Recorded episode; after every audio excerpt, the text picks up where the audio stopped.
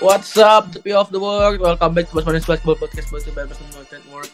Episode 11 season kelima. Selamat datang kembali setelah Sekian lama kita berpisah. Gue mau ngucapin mohon maaf lahir batin. Kayaknya kalau kayaknya gue belum ngucapin mohon maaf lahir batin ya. Betul.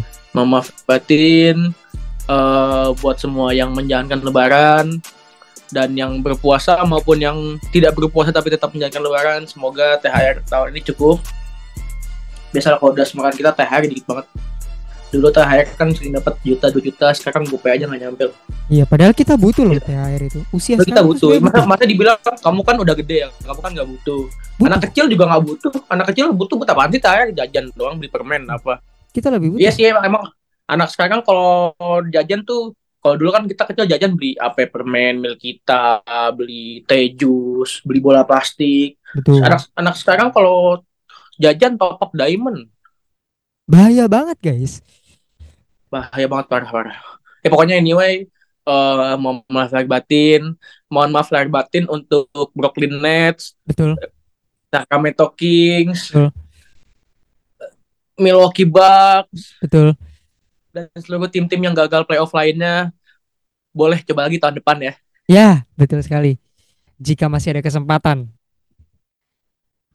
Speaking about playoff, hari ini kita bakal bahas playoff uh, first round review dan juga preview uh, second round. Ada beberapa game yang udah dimainin di second round. Uh, nama-nama yang uh, ya setting record after record dan beberapa hal yang gue sama Rainer udah bahas juga di off cam, off record uh, persiapan untuk episode ini. Tapi sebelumnya seperti biasa ini eh, ada news-news yang sebenarnya aduh ini gue mau bahas juga sedih ya karena gue belum tentu bisa eh, berkontribusi ini. Tahun lalu gue bisa eh yang terakhir gue bisa nih meskipun ya waktu itu HP gue belum ganti jadi foto-foto sama eh, orang-orangnya masih blurry blurry nggak jelas gitu. Tapi sekarang ketika HP gue udah bagus gue malah nggak yakin bisa dapat tiket lagi ya. Eh, silakan Ray boleh dibacain newsnya Ray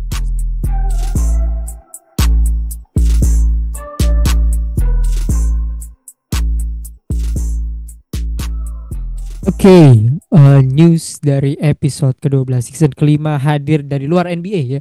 Eh, newsnya ini kita coba keluar dari NBA dulu. Kita coba keluar dari zona playoff, Iya, iya. zona nyaman playoff.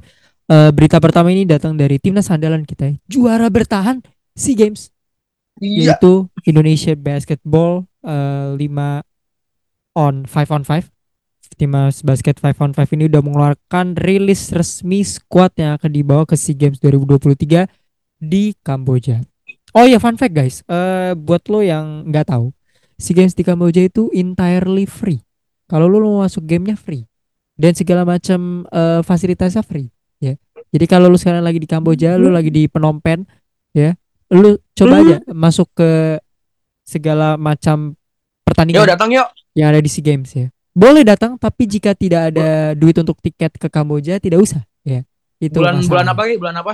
Eh, ini sedang berjalan eh, sepak bola udah mulai duluan biasalah olahraga overrated. Oh, ini Iya, sekarang basket basket udah mulai nih. basket pekan ini kalau gua nggak salah kan dimulai di weekend ini. ini. Makanya kan eh, udah rilis biasanya kalau basket emang rilis squadnya tuh lebih lama dibandingkan olahraga kayak sepak bola dan lain-lain. Nah, Hmm, hmm, hmm, hmm. Indonesia sebagai juara bertahan SEA Games ya yang tidak bisa dilakukan oleh olahraga yang sebelah itu sudah mengeluarkan rilis ya.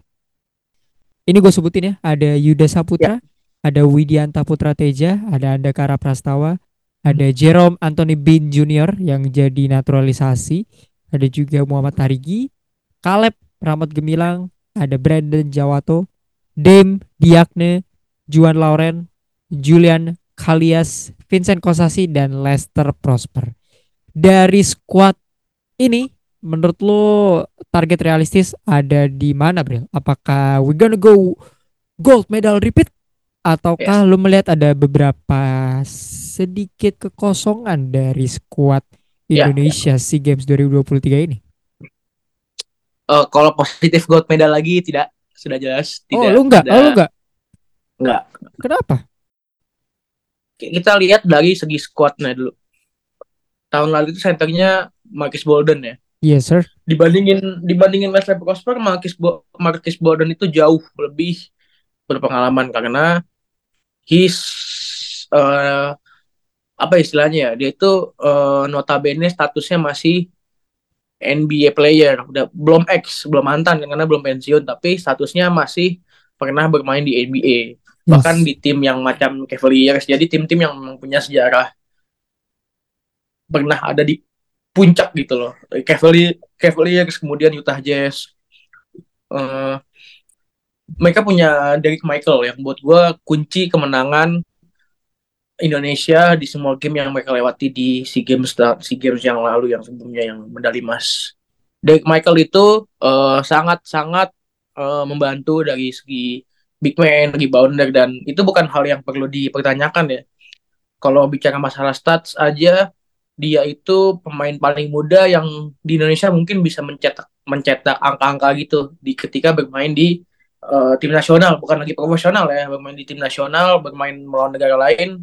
Dia tuh 2003 atau 2002 setahu kita. Setahu gua di bawah kita nih hmm. tapi bisa menghasilkan angka-angka yang seperti itu di pertandingan antar negara. Buat gua itu kunci uh, bagaimana Indonesia bisa sukses di SEA Games medali emas hmm. dan buat gue minus terbesarnya adalah nggak bisa narik Abraham Damar Grahita balik lagi ke squad Betul. itu salah satu uh, minus uh, yang harusnya bisa di apa ya bisa dipikirkan kembali oleh manajemen timnas basket tapi uh, kebijakan itu kan di luar lingkup kita ya sebagai seorang penikmat basket meskipun kita mengerti pun kita nggak punya hak apa-apa gitu untuk kayak ngejudge atau menyalahkan kebijakan PP Perbasi atas uh, isu Abraham Damar yang semenjak dia main ke Jepang sampai sekarang sebenarnya masih belum kelar juga gitu. Jadi uh,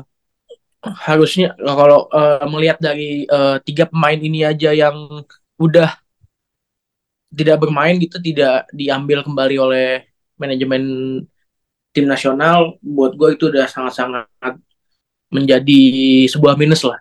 Dan lagi dari sekian banyak pemain muda lu malah ngambil Julian Alexander yang buat gue pengalaman pengalaman pengalaman profesional itu sangat-sangat minim. Dia main baru sekali musim in musim musim lalu sama musim ini juga kalau nggak salah ya di Indonesia Patriots. Meskipun memang dia sudah masuk skuadnya SM dia sudah masuk squad SM namanya ada di roster tapi karena uh, statusnya masih young player dia main di timnas muda di Indonesia Patriots uh, ya punya pengalaman prestasi di waktu masih di Bali karena dia orang Bali kan cuma uh, dibandingkan Dame Diakne dia tuh kalah jauh. Dame Diakne ini memang secara pengalaman jauh di bawah Julian juga sebenarnya sebelum dia main di timnas ya. Yep. Dan bahkan umur dia tuh kalau nggak salah kelahiran 2003 atau 2004 waktu dia pertama kali main di IBL di di bubble 2021 umurnya dia tuh masih 17 tahun. Tapi fisik, physicality dan skill, ability yang dia punya secara basket ya, secara basket teknis dimainkan dia tuh jauh di atas pemain-pemain muda lainnya gitu. Mm-hmm. Jadi buat gue ketika lu malah ngambil Julian dibandingkan pemain muda lain yang bisa lo ambil kayak uh, Yodisi, pemain-pemain Trexri ya kayak pemain-pemain Trexri lain lah yang sebenarnya juga punya kemampuan bermain di uh, tim five on five kayak Sandi Ibrahim.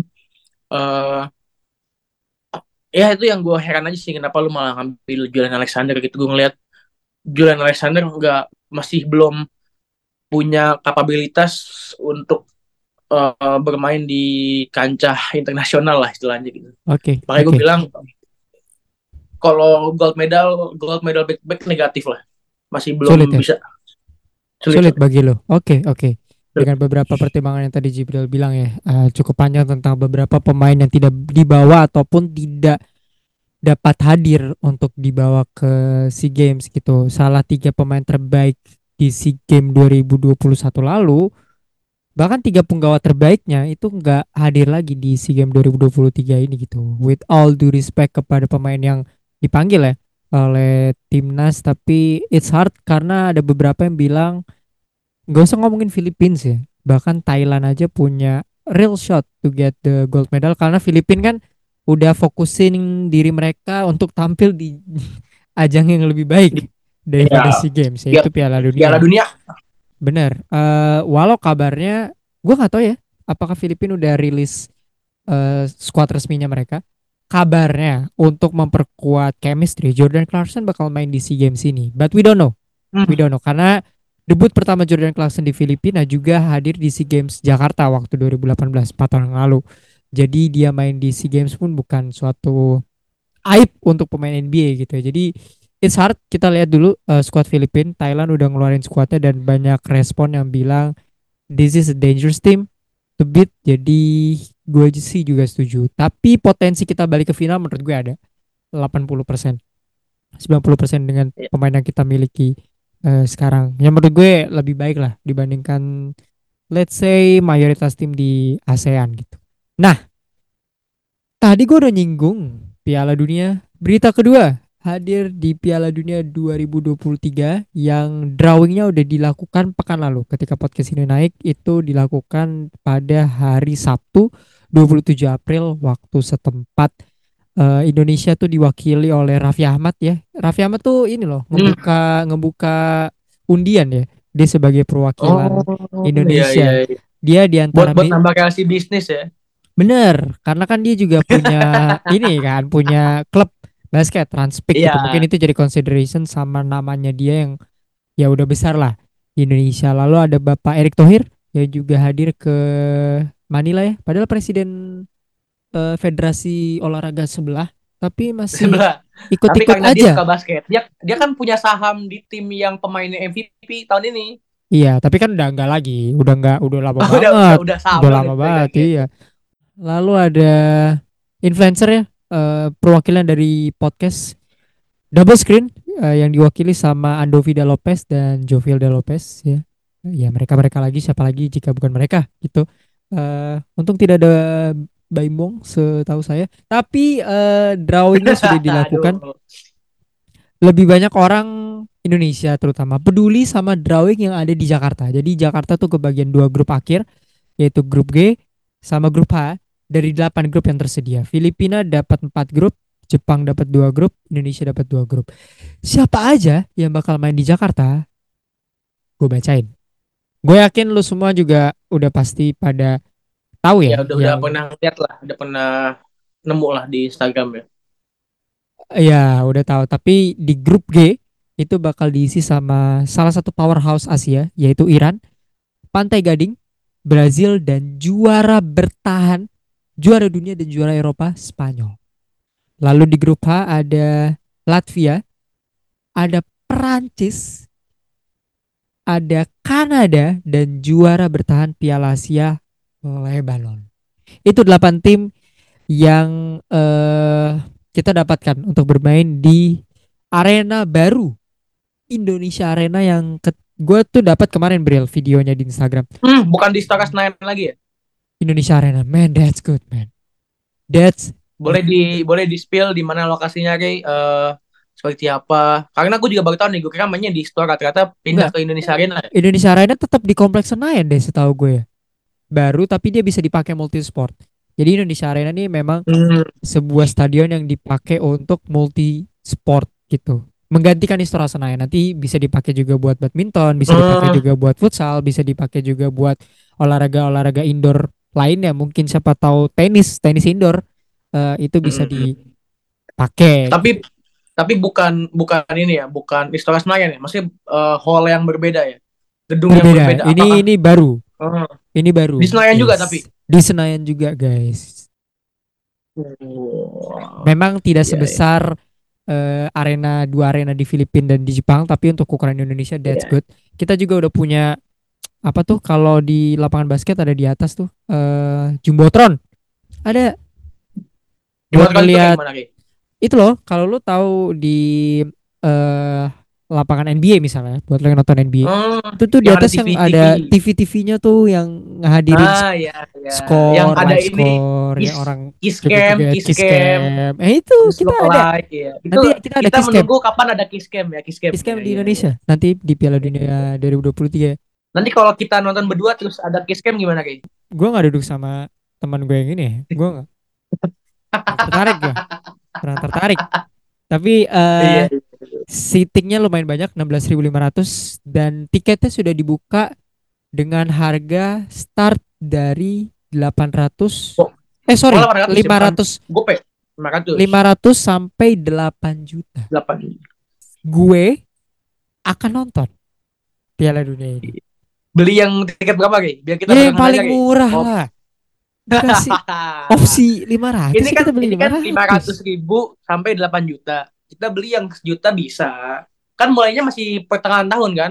Nah ini makanya eh, ada beberapa paket ya. Itu tuh nanti lu bisa pilih paket tim. Ada paket Kanada, ada paket Iran, ada paket Spanyol gitu-gitulah. Tapi gua melihat Pilih yang eh, Satu game aja ya. Satu- Nonton, nonton satu game aja ya. Kalau misalnya one day pass-nya affordable, gua ambil one day pass real mending. Iya, iya. Itu One Day Pass paling berapa sih? 5 juta ya? nggak- bahkan bisa aja di bawah itu. Makanya eh, tiketing Hmm, ini hmm. masih agak rancu ya. Eh, apalagi H plus 1 setelah drawing websitenya itu on hold. Karena mungkin banyak yang mesen ya.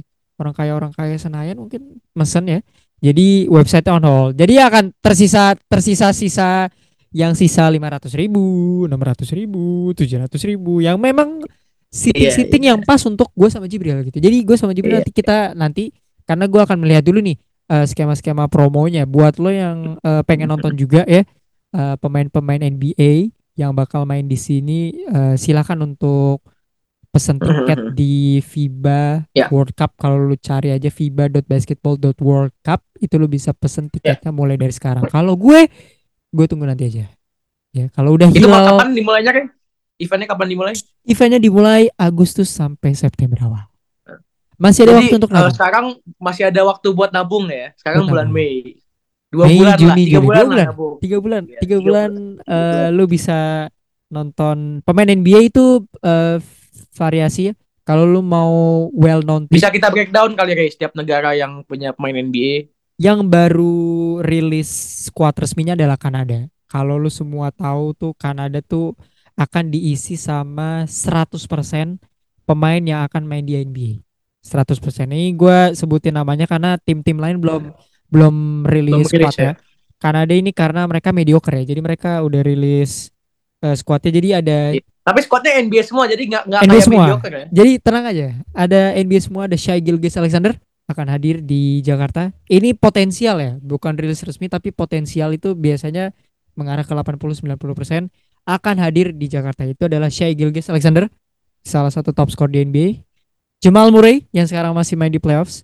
RJ Barrett main di playoff juga. Ada Lou Dort, Andrew Wiggins, Kelly Olynyk, Dwight Powell, Shadon Sharp, Andrew Numbart, Nickel Alexander Walker, Trey Lyles dan salah satu kandidat Rookie of the Year musim ini yaitu adalah Benedict Maturin. Ada satu nama yang lost, satu nama yang dicintai sama Goda Jibril yang sepertinya takut untuk datang ke Jakarta karena mungkin dia takut akan serangan-serangan verbal dari orang Hmm, Indonesia itu hmm. adalah Mr. His Excellency Dylan Brooks yang sepertinya sudah dikat oleh Memphis Grizzlies untuk musim depan. Iya. Jadi- sudah sudah dikat, sudah dikat. Lagi Ya. nyiapin tiket ke katanya Shaq itu Guangdong Tigers. Oh, Guangdong Tigers bahkan tidak mau menerima dia.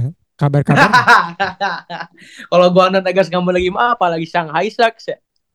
video kalau lu follow IG kita di plus minus ya kita ada satu video yang bahas Dylan Brooks ini Iya. konvoy nih akan naik kembali di IG jadi kita udah ada Kembali, dua jadi di antara video iya, Dylan Brooks dua di antara seluruh bahasan yang bak- bakal kita bahas di episode ini, Ini. cuma Dylan Brooks yang bakal kita naikin deh. kita naikin Gitu, gitu, gitu. ini aja akan naik eh mana Bril negara yang lu misalnya lu ada Ya, lu dikasih uang lebih untuk menonton hmm, amin, amin. let's say pertandingan yang bisa amin. lu pilih tapi mana Ah, negara iya, yang pengen lu tonton banget nih melihat dari Hmm. pemainnya atau mungkin lu kayak gua karena gua adalah fans international basketball gua tentu akan selektif nih untuk memilih Ya, ya. Negara-negara atau lu kayak oh gua no- nonton atletnya aja gitu. Karena atletnya gua nonton Hmm. negara ini gitu. Gue sih bakalan excited banget nonton dua tim ataupun dua negara yang mungkin top 5 in the world untuk uh, kategori men's basketball 5 on 5 Prancis dan Spanyol yang yes sir dua-duanya itu punya sejarah di ah, apa World Cup atau mungkin Ya, Olimpik. Ya kayak gitu kemarin lah. ketemu di final juga guys jangan lupa Eh, Perancis eh, Perancis itu yang juara waktu US itu skuadnya Jason Tatum, eh, Bam Adebayo kalau nggak salah itu juaranya Perancis ya? Apa Spanyol? Spanyol Spanyol yang juga Oh Spanyol. Prancis peringkat Perancis ketiga yang ngalahin Perancis eh Perancis bukan yang ngalahin US ya di, di Olimpiade oh di Olimpiade ya ya. tapi mereka Kemudian dikalahin lagi di final ya lain lagi di final ya. betul Spanyol juga eh ber- kalau menurut gue skuad terbaik Spanyol itu 2012 ya. oh of Olimpiade course eh Olimpiade Beijing eh London ya London betul 2012. London. Beijing 2008 yang di mana finalnya itu menghadapi US yang notabene US itu waktu itu skuadnya bukan cuma NBA player tapi eh, 100% uh, Hall of Fame greatest, Greatest NBA of all player time. of all time Kobe semuanya dan LeBron, semuanya semuanya bahkan centernya pun macam Tyson Chandler itu buat gue defensive player salah satu year man center tim saat itu iya benar defensive player of salah satu center US terbaik ya dibandingin center-center lain gitu di bahkan di akhir-akhir ini kita belum menemukan center yang bermain seperti Tyson Chandler. No disrespect, tapi Tyson Chandler ketika di masa prime-nya he's good. That's why dia Iya, dibawa sama US 2012. Iya sih. Dan Oke. jangan lupa Anthony Davis. Anthony Davis itu Iya. salah satunya pemain yang masih kuliah tapi udah dibawa ke timnas US ya. Buat gua kalau udah sekelas US itu susah banget ketika lu masih pemain kampus udah langsung dibawa gitu. Kalau di Indonesia kan biasa nih, Julian Alexander aja bisa. Yoi. Padahal Julian Alexander bukan siapa-siapa. Ini AD masih di kampus eh, Kentucky ya, dia Kentucky Kentucky betul. masih kalau nggak salah eh, tahun terakhir senior year setahun kemudian dia bermain di NBA di draft tahun sebelum dia bermain di NBA dia udah dibawa dulu ke US itu buat persiapan dia di NBA tuh main di situ tuh Betul. Walaupun cuman averaging 1-2 menit per game dan 500 claps, tapi akhirnya dia bisa bisa getting the gold. Oke, Iya, as- jawaban gue sama kayak Jibril lah. Ini kita tuh harus bersyukur guys. Dibanding mungkin Filipin dapat advantage mereka nyelenggarain fase knockoutnya Bril. Jadi knockout tuh Hmm. semua akan lari nanti ke Filipina yang mulai misalnya ya? dari perempat, ya, playoff ya perempat final, final four sampai final tuh bakal main di Filipina karena mereka punya arena yang memadai. Dibandingin Jepang, pesertanya itu kita mantep-mantep men. Kita punya ya Hmm. walaupun Spanyol sekarang tidak seperti Spanyol dulu ya. Mungkin kalau Spanyolnya zaman Gasol Brother mungkin udah full pack tuh Indonesia Betul. Arena. ya, ya. Tapi jangan lupa Spanyol yang ini tuh masih juara Eropa kemarin without Mhm. Gasol Brother. Gue sih pengen nonton Spanyol banget. Sayang grupnya aja sih kurang. Grup A tuh mantep-mantep. Grup yang gak, gak, ada Spanyol. Ada Latvia yang kemungkinan akan bawa Christopher Porzingis. Ada juga Prancis yang kita bakal ngelihat Victor Wembanya mas sebelum Hmm. jadi pemain NBA itu di sini men. ya, ya. Di Jakarta men. Di Jakarta sebelum dia di draft oleh Houston Rockets itu dia akan main di Jakarta bukan- guys. Bukan ini ya bukan Magic atau Pistons ya bukan Enggak, ya. Pelicans juga ya bukan bukan Ternyata dia kan Houston. main di. Jakarta dulu ya kan ada Rudy Gobert eh, jadi grup A akan menarik tapi gue sih eh, excited untuk lihat Spanyol ya Da, tapi Hmm. ya kalau lu punya duit lebih go check it out both games ini salah satu kesempatan lu untuk nonton mungkin kita nggak dapet US mungkin kita nggak dapet Slovenia Yunani Serbia tapi kita dapet kualitas bola basket Eropa dalam Ya. negara bernama Spanyol, Prancis dan Latvia, men. Di situ lo akan lihat eh, kalau lo fans NBA dan jarang nonton bola basket Indonesia, lo akan melihat beberapa perbedaan yang sangat signifikan. Kalau udah biasa nonton FIBA, kayak gue sama Jibril, itu justru mungkin kita akan lebih menikmati action pack di FIBA bahkan karena gue bahkan nonton langsung loh ini FIBA physically qualifier tapi nonton. FIBA qualifier Jibril nonton kualifikasi Piala Dunianya. Waktu itu Indonesia Ya. main dan satu tahun setelahnya Indonesia walaupun tidak main tapi akan menyelenggarakan di Piala Dunia. karena arenanya bagus arenanya, Arenanya bagus. Jadi kita ya itu doang itu doang udah itu doang segmen baru ya. Berarti nanti segmen baru nggak sih nanti ya? Kita ada ya. Harus ya. Harus oh ya, bagus ya nah, Harus ya. segmen khusus Segmen eh, khusus Piala World, Dunia. World, World Cup lah pokoknya lah World Cup gitu lah. segmen lah ya. Jangan lupa. Ada grup neraka juga kalau lu nggak sempet nonton langsung di Jakarta, lu bisa nonton streaming. Gue saranin lu untuk nonton grup E. Grup E itu akan diisi sama Jerman, Finlandia, Australia dan Jepang. Dua tim terkuat Hmm. di Eropa yang bikin kejutan kemarin di Piala Eropa 2022 dan dua tim terkuat di Asia arguably ada Jepang Rui Hachimura bakal main di depan crowd Jepang lalu ada Australia yang kabarnya akan membawa Josh Gidey asik tuh nggak bawa Ben Simmons Oh. tapi gua nggak tahu ya cuman Ben Simmons nggak usah diajak lah. Kan masih ada Josh Gidey. tapi dia kayaknya untuk Vibarul dia cocok sih pemain seperti dia jadi gua Ben Simmons, Ben Simmons cocok Iya. ya. Ben Kalau- Simmons cocok Nggak bisa, nggak bakal bisa mut-mutan tapi dia. iya sih. bakal bisa mut-mutan. Kalau nggak negaranya jadi, jadi bahan tertawaan pasti. makanya physical game ya jadi eh, ini akan sangat-sangat menarik. Piala Dunia 2023 buat lo yang biasa nonton NBA jarang sekali tersentuh sama basket internasional lo akan melihat beberapa nama-nama hidden gem di sini ya. Eh, nama-nama non NBA players yang biasa main di Eurobasket eh, di Euroleague ya bahkan main di liga-liga di Asia itu bakal showcasing his skill di sini guys. Jadi go check it out FIBA World Cup 2023 Agustus sampai September. And I'm gonna tell you guys kita juga bakal nge-cover Piala Dunia 2023 hopefully kita bisa langsung nge-cover di Indonesia Arena.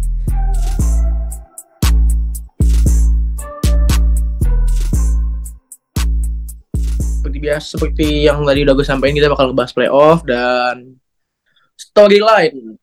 Eh, playoff ini selalu adalah yang ditunggu-tunggu sama seluruh fans NBA dan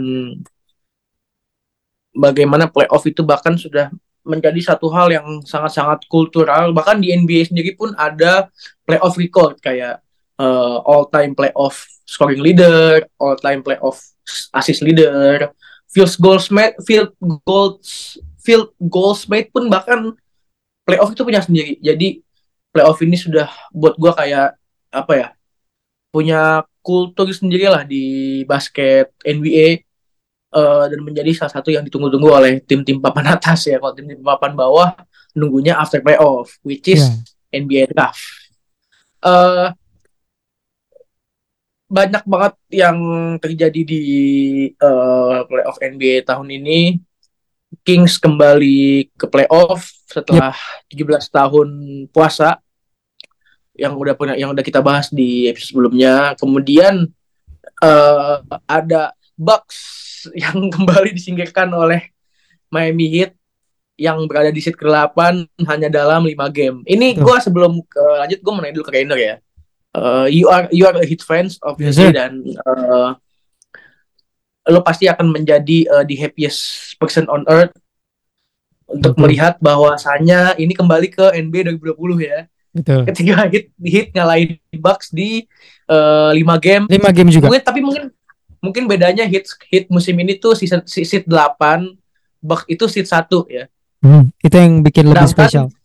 iya sangat-sangat spesial mengingat bagaimana eh Reynor itu cukup eh apa ya istilahnya kayak kayak kayak hit, hit, hit bahkan Jimmy Butler sama Bam Adebayo itu eh nggak jelas mut-mutan tapi ternyata mereka memang menunggu momen balas dendam ya benar ketika 2020 mereka ngalahin Bucks di 5 game, kemudian Bucks membalas di 2021 dengan sweep.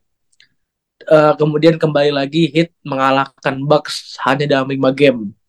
Eh, salah satu faktor tetap eh, tetap menjadi eh, barista kita, yes sir tukang kopi kita. bukan Cuman namanya sekarang udah kopi nih. berubah dia. Ini gue suka banget tukang kopi. Kalau di Indonesia tuh tukang kopi, tukang kopi cuma modal ganteng doang. Kalau di US tukang kopi tuh basketnya jago-jago ya. yoi bisa bisa ngocok-ngocok tim lawan. yoi, yoi. Jimmy Butler eh jadi faktor kemenangan hit di game 5. Ya sudah sebenarnya menurut, menurut gue sih di semua game yang hit menangkan ya. Iya, Jadi gue. faktor terutama eh 50 points eh 50 points. 56 56 point performance eh, salah satu yang terbanyak di playoff history ya di Yes. NBA. Gue mau bahas ke hitnya aja deh. Kalau ke Bucks sih nggak usah lah kita nggak usah bahas tim yang udah kalah. Mungkin nanti ya nanti setelah ini kita bakal bahas tim yang kalah. Tapi kan eh, bahas dulu yang menang ya. Eh, menurut lu sendiri selain Jimmy Butler faktor yang buat hit bisa apa ya istilahnya ya kembali ke prime season di 2020-nya gimana uh, apa menurut lo apa yang menjadi faktor yang tersebut, faktor tersebut gitu karena ya hit bakal ketemu sama Lakers lagi di final musim ini gitu. Buset, yakin kan? banget lo kayaknya. Kayak di 2020 nih. Ini ini ini udah mulai udah mulai mengarah nih, udah mulai yeah. udah mulai bubble, bubble jilid dua, bubble jilid dua, bubble jilid. Bubble jilid dua, iya iya iya. Eh uh, faktornya ya Jimmy Butler sih. Who else itu satu jelas. Kita dulu bilang setiap game di mana Miami Heat menang, ya Jimmy Butler adalah point of difference gitu. Walaupun ada yang bilang, wah Milwaukee Bucks kan Giannis cedera di game 1 2 3 ya. Tapi ketika Giannis main di game 4 dan 5 toh dikalahin juga gitu. So juga, ya. Ada dan tidak ada Giannis walaupun ketika ya. tidak ada itu jadi salah satu berkah juga. Tapi justru Bucks menang tanpa Giannis gitu. Jadi ya ya. Tidak berarti juga gitu. Ada dan tidak ada Giannis gitu. Iya Giannis adalah points of difference untuk Bucks di game ketika Butler cetak 56 poin itu Giannis score triple double. Terus di game penutup yang mereka kalah Giannis 38 poin 20 rebound. Tapi artinya apa Bang Messi? Tidak ada arti apa gitu. Tidak ada arti apa-apa. Kalau iya, misalnya tim lawan lu berhasil outperforming lu, ya sih simpelnya bahasa sepak bolanya kalau lu cetak kalau lu kebobolan dua gol lu cetak 3 gol, you still win the game. Gitu. Yeah. Kalau dalam basket kan lu kebobolan 95 poin, lu cetak 96 poin, you still win the game juga gitu. Yeah. Iya. Uh, apakah Bucks mengecewakan? Tidak. Tapi Miami bermain jauh lebih baik. Itu yang orang-orang menurut gue tidak tidak on the same page gitu loh. Orang mikir oh Bucks ini mengecewakan. Enggak, padahal Miami Heat yang memang jago gitu. Bucksnya kagak yeah, iya. jelek, yeah. walaupun dari segi offense lu kalau nonton Bucks kemarin di playoff ya, itu beda banget sama di regular season bayangin Juru Holiday itu udah jadi first score option lu gitu. Juru Holiday. Di di saat Janis tidak ada ya. Jadi Bucks tuh kayak main ya udah kalau nggak Juru Holiday Chris Middleton gitu. Kalau nggak Brook Lopez dikasih gitu. Predictable. Dan itu yang jadi case-nya untuk Coach Budenholzer sebenarnya udah dari lama dan orang-orang udah mengkritisi hal yang sama gitu. Kalau dia miskin taktik dan tanda kutip dan dilawanin sama pelatih yang kaya taktik kayak coach Polstra. Mm -hmm. Ya maksudnya lu lu sedih denger kan selama regular season gue selalu protes nih hit gimana sih ini nggak ada perubahan nih nggak ada permainan yang efektif gitu bahkan gue nggak megang mereka menang sama sekali gue tuh prediksi gue boxing five prediksi gue iya, boxing iya. five karena gue hit in five gue nggak nggak seyakin itu Bril nah ini berarti ke depannya gue nggak boleh prediksi hal yang sama gitu ya udah udah jadi pelajaran kalau lu nggak boleh pesimis sama tim favorit lu ya, sendiri ya, ya. gitu. Iya, makanya saya tidak pesimis dengan Lakers musim ini kan. Iya, itu dia. Maksudnya gue pesimis banget. Tapi faktor lain adalah supporting castnya Jimmy Butler juga. Kehadiran Kevin Love tuh benar-benar ini banget sih. Gue Kevin Love. Kevin Love start di game kelima. Yoi, di awal musim banget tuh Jibril prediksi Kevin Love jadi six man. Ternyata Cavs tidak bisa mengutilize dia dengan baik.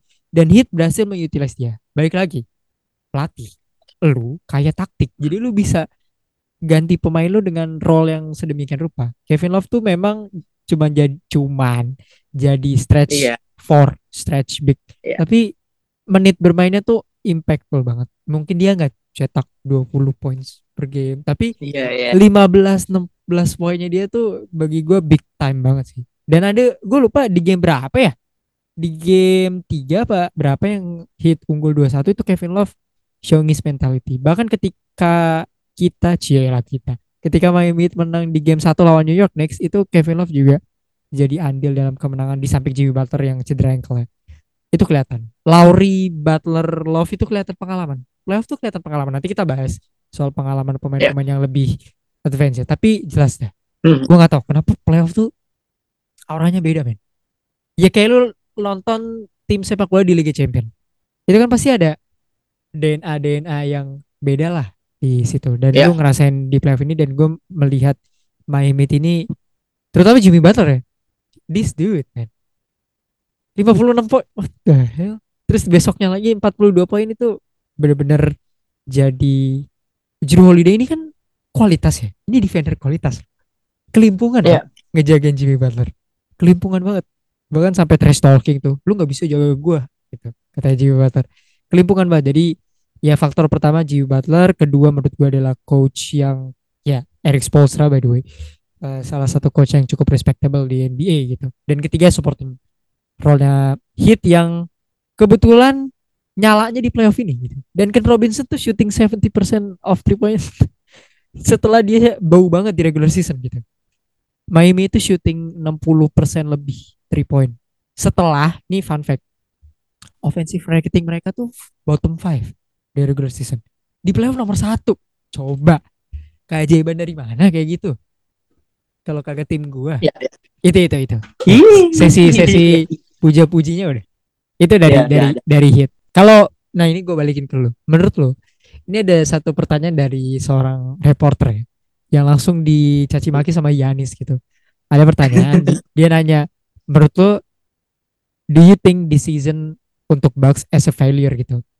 Karena Iya, konteksnya Bucks adalah first seed, secara rekor adalah best team di NBA, tapi lu kok kalah in five game sama tim yang bahkan untuk ambil seat ke-8 aja harus melalui play-in gitu. Nah, dari kacamata Mhm. lu sebagai fans, ya anggap aja pernyataan Giannis valid karena dia seorang pemain dan dia adalah pemain utama di situ. Tapi lu dari kacamata fans, lu melihatnya Bucks adalah musim ini do you see this as a failure kegagalan gak dengan mereka nomor satu seed best record di NBA Giannis masih top 3 MVP eh nggak taunya kalah 5 game sama tim yang bahkan nomor 8 aja mereka harus berjuang lewat play in buat gua ah, ini juga salah satu hal yang eh, ah, istilahnya mata mata mata masyarakat awam mismatch ya.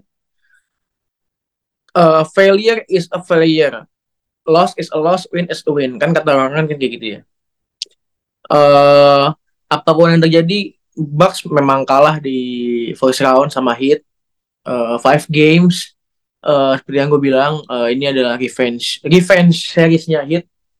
Eh dan rivalitas Heat sama Bucks yang nggak pernah kelihatan ini sebelumnya mulai eh kelihatan lagi setelah Heat eh, sama Bucks dipertemukan kembali di first round. eh buat gue apakah Bucks gagal? Ya, Bucks gagal. Giannis gagal. Makanya tadi gue bilang failure is a failure. Kegagalan adalah sebuah kegagalan. Kalau misalkan kita nggak percaya sebuah nggak percaya sebuah kegagalan, eh, ya kita nggak akan pernah punya pembelajaran kan kayak gitu ya kata orang-orang. Kalau katanya Mario katanya Mario Teguh sih begitu. Tapi apakah Bucks adalah sebuah tim yang gagal? Enggak juga.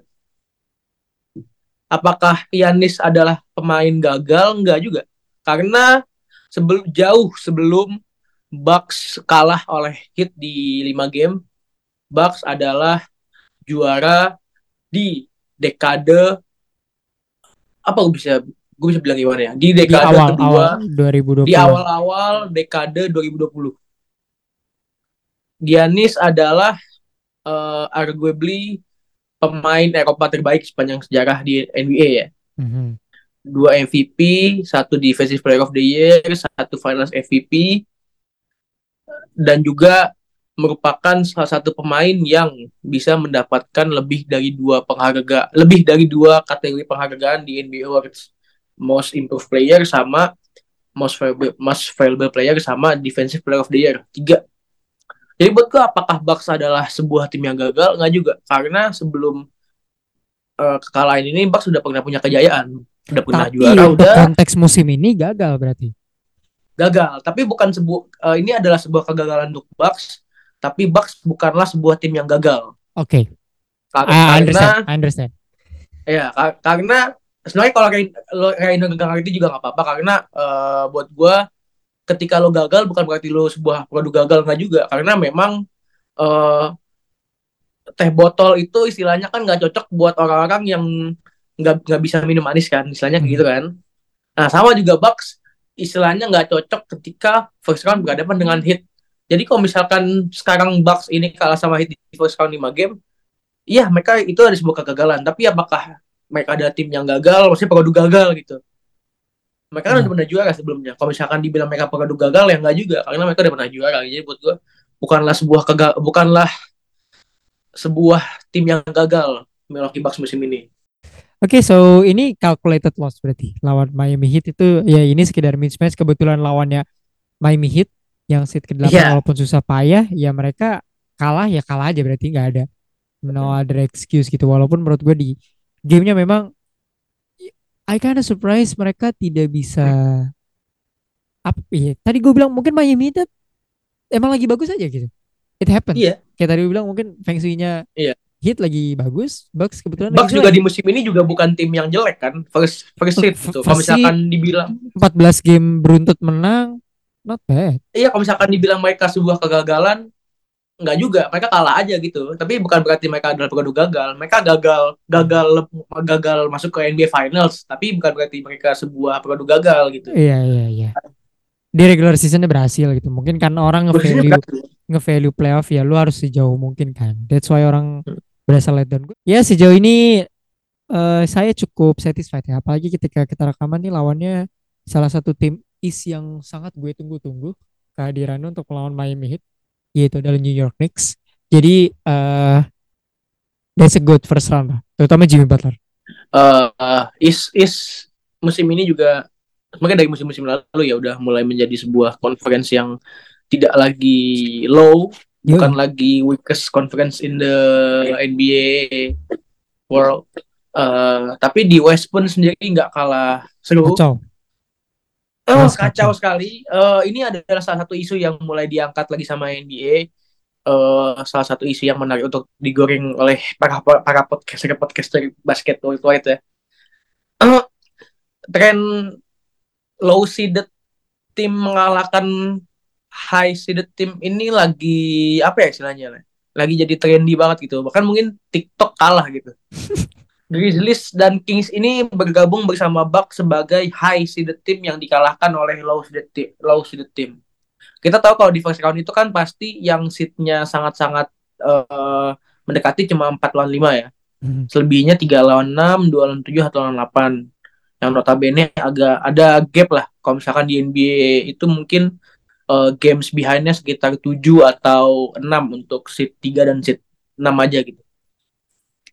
Eh, Grizzlies dan Kings adalah dua tim West yang juga kena tren tim dengan seat paling rendah mengalahkan tim dengan seat paling sangat tim yang seatnya ada di seat atas. Grizzlies dikalahkan six games oleh Lakers ya. Ada ini pemain yang lagi mau pindah ke Cina. Terus eh, Kings yang eh, 17 tahun puasa playoff sekarang balik lagi ke playoff harus menghadapi kenyataan bahwa eh, mereka round langsung ketemu tim dengan mental juara, bukan tim yang mentalnya sekali masuk playoff terus bubar gitu ya. Mhm. Tim yang sudah pernah juara empat kali eh, menjadi momok menyeramkan juga buat Kings ya di first round. Meskipun memang harus melewati seven games karena eh, kualitas pemain Warriors sendiri udah mulai jauh berkurang dibandingkan ketika mereka back to back. Saya kan gue juga bilang di awal kalau playoff itu culture-nya udah beda sama regular season. yes. Eh, apakah eh, bukan cuma kultur yang berbeda tapi DNA-nya juga berbeda bagaimana eh, pemain-pemain itu. Kayak LeBron James saya nih dia di regular season kan eh, fokusnya ngejar all time scoring leader ya. Bahkan AD sendiri pun sempat eh, kayak selek lah kayak ya kecap gitu lah. Gue pengennya menang bukan pengen lihat lu jadi all time scoring leader. Tapi ketika sudah masuk playoff ya Kings DNA gitu pemain yang jumlah masuk playoff lebih banyak dibandingkan tim-tim lain gitu apakah menurut lu DNA playoff itu nyata adanya dengan semakin banyaknya tim-tim yang peringkat bawah mengalahkan tim-tim di peringkat atas gitu Oh jelas jelas. Eh udah udah udah lama ya maksudnya sampai NBA itu bikin campaign hashtagnya tuh playoff mode. Berarti kan dia tahu kalau dalam playoff tuh ada mode-mode tertentu yang magis lah. Eh there's a magic gitu. Ada pemain yang ini gua nggak ngutip bahasanya ATTL basket ya. Ada pemain yang ada tim atau pemain yang terbentuk untuk 82 game. Ada pemain atau tim yang terbentuk untuk 16 game. Ya itu adalah playoff gitu. Dan gua ngelihat sih ada beberapa yang obvious, contohnya Miami Heat dan Jimmy Butler. Itu jelas-jelas mereka build for the playoff. Eh, those Magic Thing termasuk King sama Grizzlies gitu. Di episode ke-10 kalau gua nggak salah dua episode lalu atau tiga episode lalu kita tuh kan sempat undang guys from Tripit ya.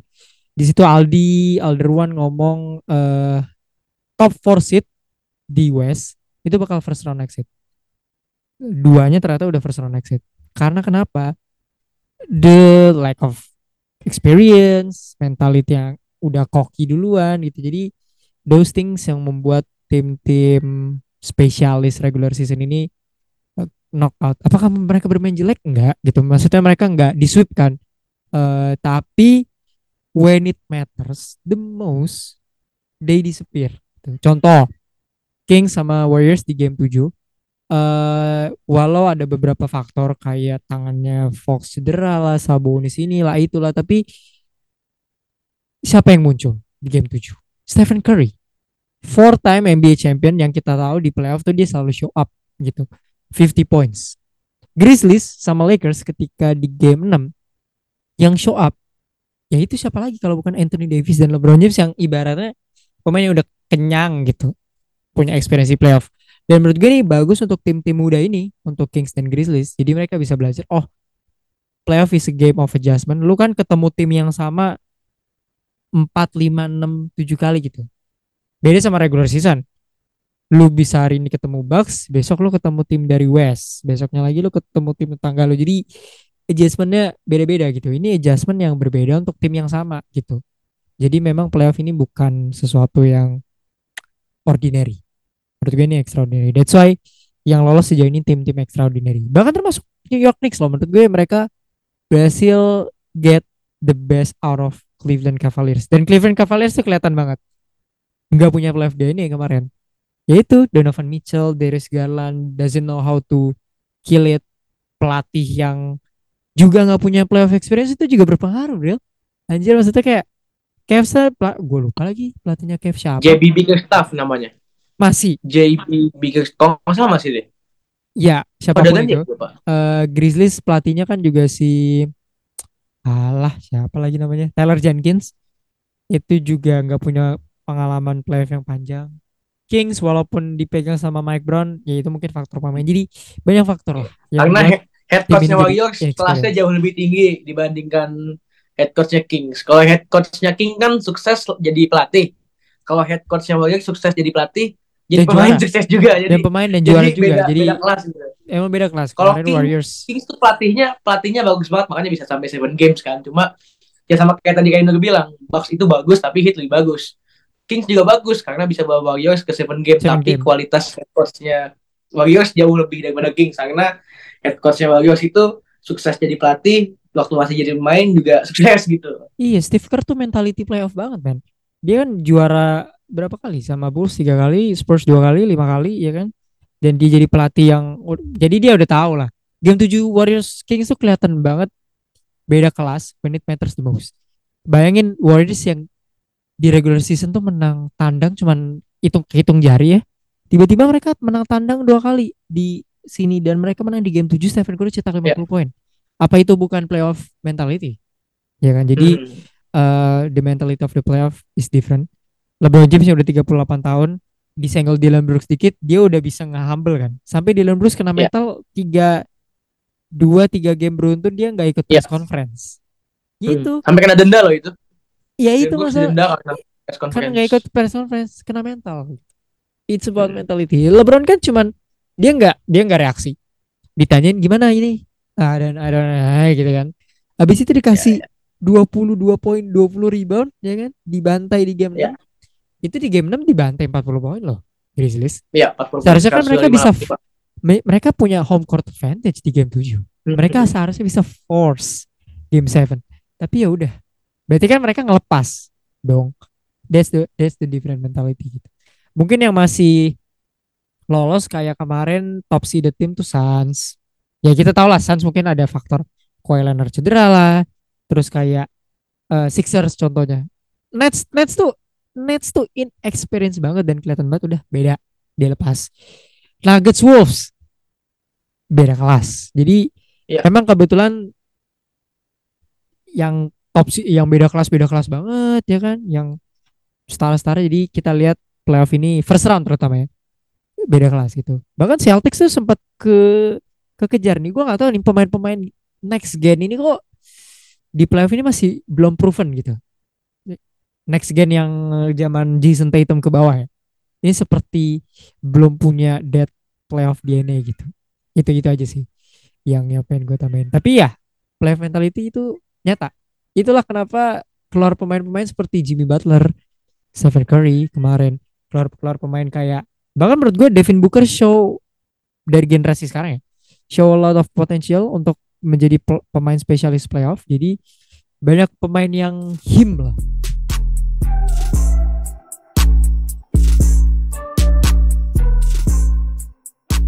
Mungkin sikat aja eh prediksi lu untuk second round deh Prediksi gue buat second ended. Ini round, kan udah udah main ada tim yang udah dua game, tim yang udah baru baru baru first game kita. Let's start with the with the with the with the East uh, Sixers Celtics ini looking good. Man Harden 45 poin pak.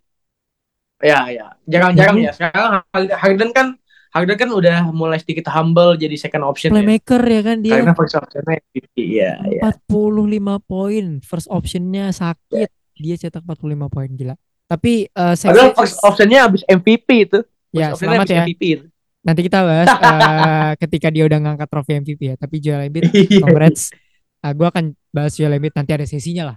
Karena gue admire banget. Tapi game 2 nanti Joel Embiid main lagi. Tapi Sixers menurut lu kutukan second round itu akan tetap berlanjut atau tidak?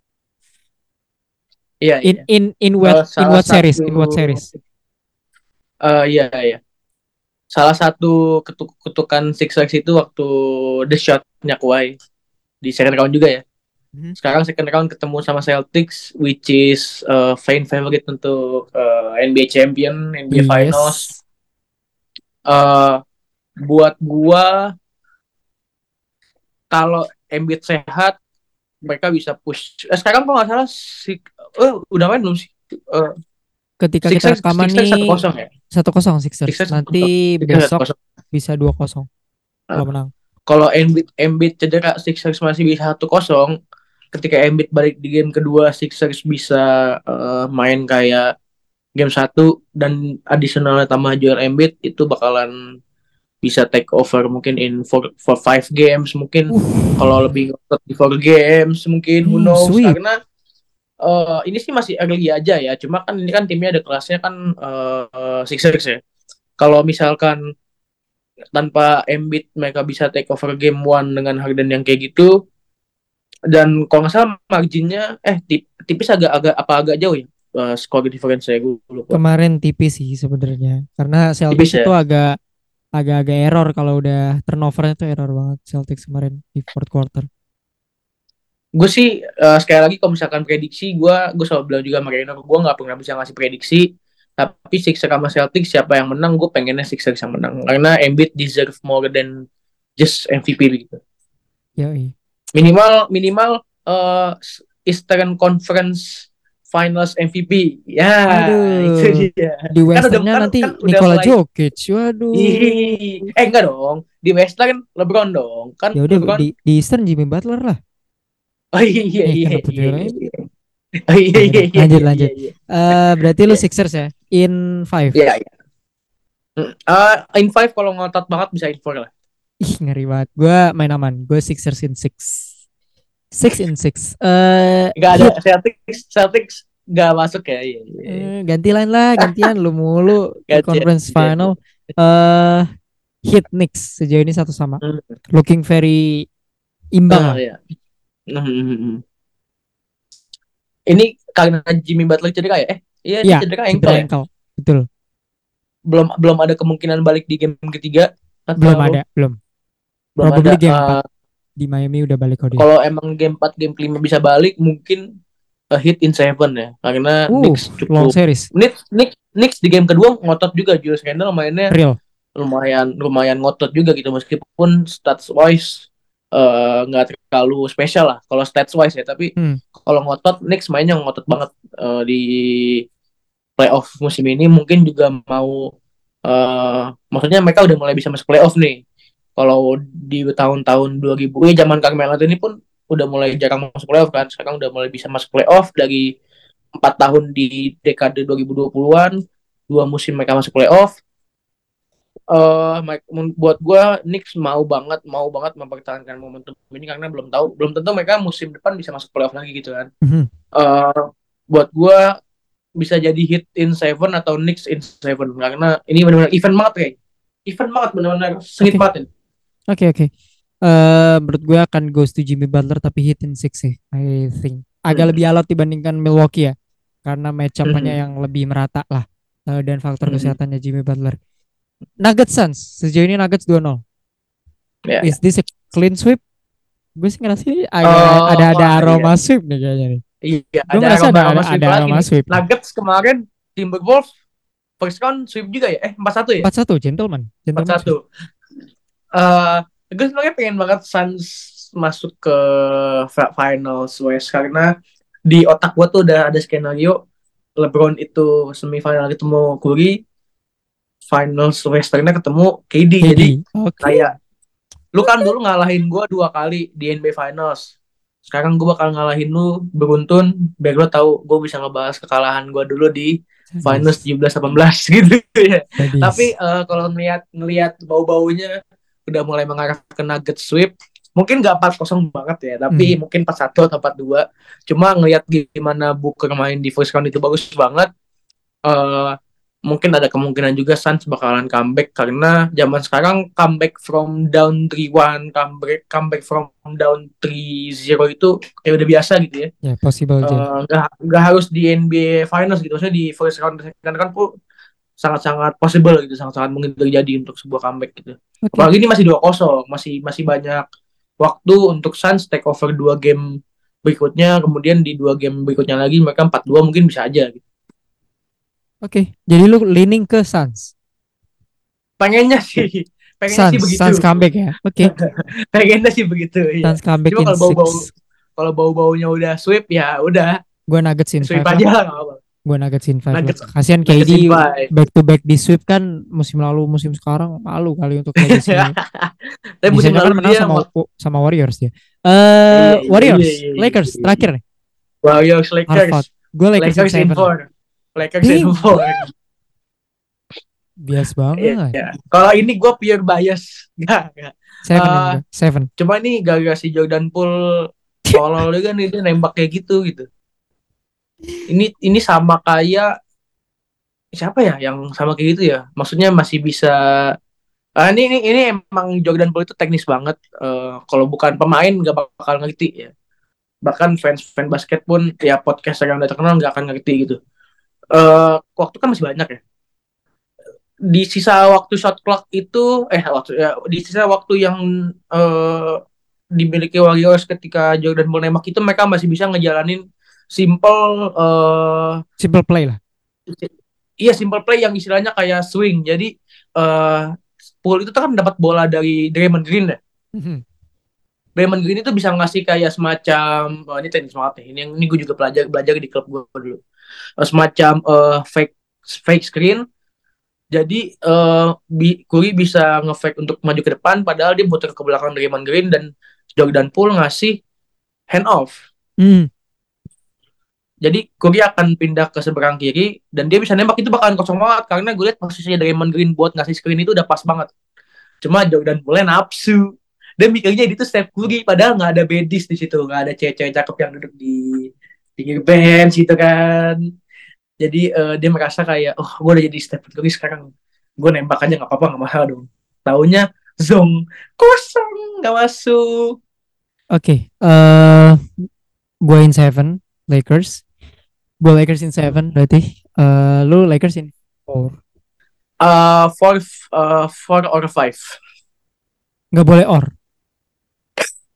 ya udah Lakers in four deh harus harus harus positif harus positif harus positif harus positif Harus positif. harus positif Baik baik baik. harus positif iya. Ini adalah ini ini ini jarang-jarang banget bisa masuk playoff tapi skuadnya kayak gini nih orang-orang bilang LeBron tidak pernah mendapatkan help sebanyak ini ini help paling kecil yang membuat gue pernah LeBron James dapat ketika dia berusaha masuk playoff gitu mungkin terakhir dia dapat help segini kecil itu ketika 2007 ya masuk ke NBA Finals ini hal paling kecil. Iya. Bukan 2018. 2018 itu banyak pemain yang kualitas secara kualitas bermain ya, bukan playoff experience ya. Secara kualitas bermain itu adalah veteran. Jeff Green, J.R. Smith, But, kemudian but he, got, ada he got Anthony Davis man. di. Rodney, Rodney Hood. Kan di Anthony Davis. Cleveland Cleveland dulu kan ada Kevin Love sama Tristan Thompson. Tidak setara sih menurut gue. Emang Davis emang better kalau misalkan mereka kalau misalkan tiga pemain ini personalnya di compare sama AD tidak setara, tapi kalau ketiga pemain ini digabung itu secara experience dan kemampuan bisa disetarakan sama AD gitu. J.R. Smith, Kevin Love sama Tristan Thompson kalau misalkan digabung nih digabung ya jadi satu uh, playoff experience, playing experience, uh, knowledge knowledge basketball kan juga kepake ya di NBA playoff Iya. itu bisa disandingkan dengan AD gitu. Terlebih lagi AD ketika tanpa LeBron eh, belum pernah sukses itu di playoff gitu. Dia kan baru mulai mendapatkan kesuksesan di playoff ketika main sama LeBron. Terus yang Smith, Kevin Love sama Tristan Thompson juga sama sebenarnya kan. Ketika mereka main LeBron kan mulai dapat kesuksesan di playoff. Buat gua 2018 itu lebih compact dibandingkan sama Lakers sekarang yang relatif muda Ri. Rui Hachimura, Wenyan Gabriel. Mereka nggak hire Tristan Thompson tapi yang dimainnya tetap Wenyan Gabriel yang which is kalau misalkan dia nggak main sama LeBron belum tentu dia punya kesuksesan kan. Austin Reeves, Austin Reeves secara kualitas pemain dia bukan pemain yang konsisten bisa kesuksesan bagus gitu. Waktu awal musim dia musim dia menit bermainnya masih ya six man, seven man. Sekarang eh, Patrick Beverly udah cabut, Russell Westbrook udah cabut, Davin Ham mulai percaya sama Austin Reeves jadi starting shooting guard.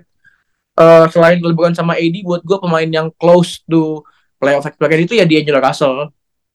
Selebihnya kayak eh ya siapa Dennis Schroeder, eh siapa lagi? Justru menurut gue Beasley. LeBron tuh udah udah nggak ada alasan dia nggak punya help lawan. Biasa kan kalau LeBron lawan Warriors tuh Iya, alasannya iya, LeBron had no help kan.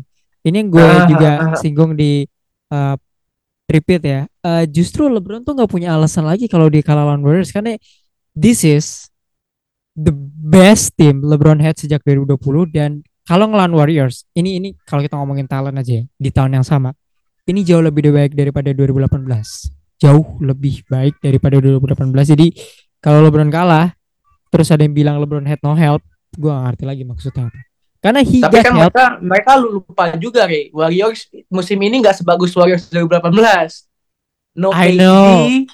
Iggy udah mulai bangkotan dan center mereka ini eh center bagus. Maksud gua benchnya ini sangat-sangat jauh berbeda kualitas dibandingkan 2017 2018. 2017 itu stack banget ada Sean Livingston, David West, Patrick McCaw, eh kalau 2017 dulu ada eh, Ian Clark, eh siapa lagi tuh? Centernya itu centernya dulu banyak banget ya, di 2017 Maurice Pay 18. gitu-gitu cuman justru itu Bagus. yang membuat membuat match up ini jadi setara gitu Curry dan Warriors tidak punya tim yang Iya, superior yang dulu Lakers dan. LeBron eh, LeBron dengan timnya sekarang Lakers punya tim yang lebih baik dibandingkan yang dulu gitu. Jadi menurut gue ini setara. Hmm. jadi kalau LeBron dibilang head no help gue bingung sih. Karena justru dengan kesetaraan Iya. itu orang-orang kan ah, wah ada KD ya udah LeBron kalah nggak apa-apa kan? Warriors ada KD nah nggak bisa. ya. menurut gue sekarang LeBron walaupun Ah. udah 38 tahun kalau lu kalah Ah. Warriors lu kalah LeBron. Alasan lu bukan head no help.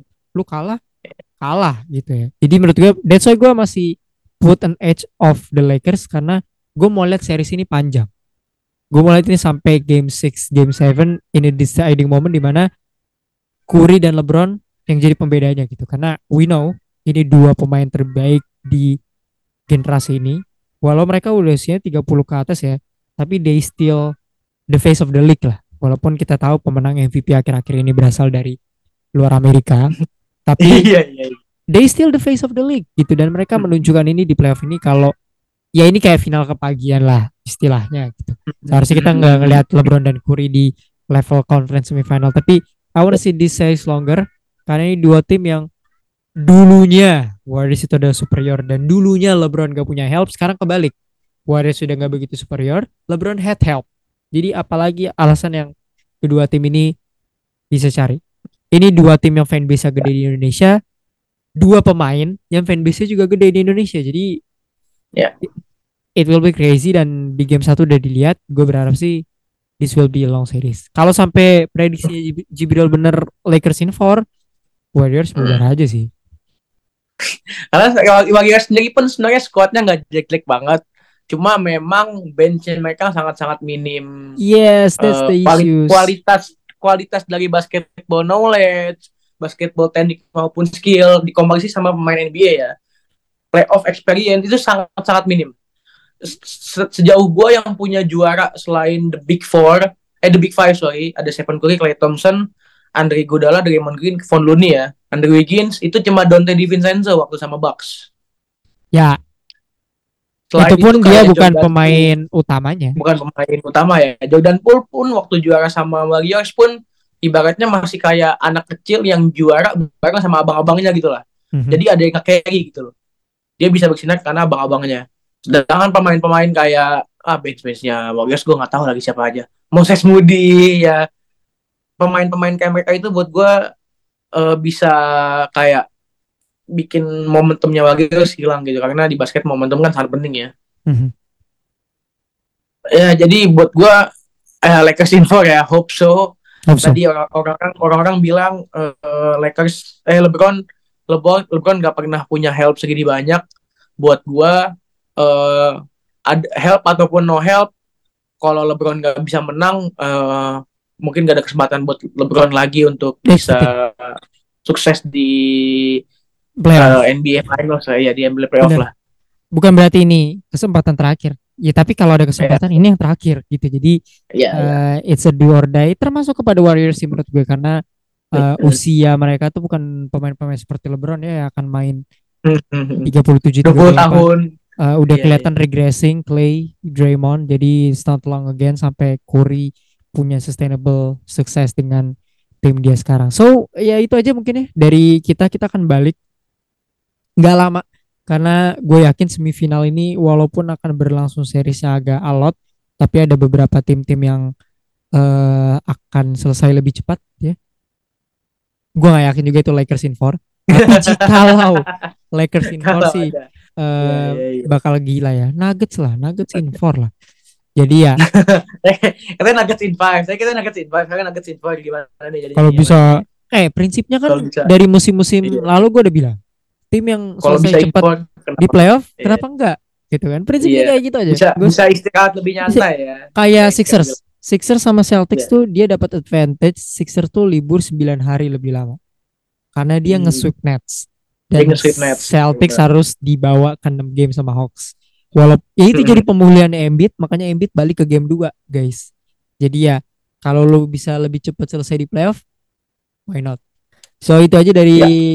Gue dan Jibril kalau lu denger di Spotify ikutan di Q&A kita um, apa storyline terbaik dari playoff first round dan sejauh ini? Dan ikutan di poll juga siapa yang akan lolos ke babak conference final? Dan siapa pemain terbaik di Ya.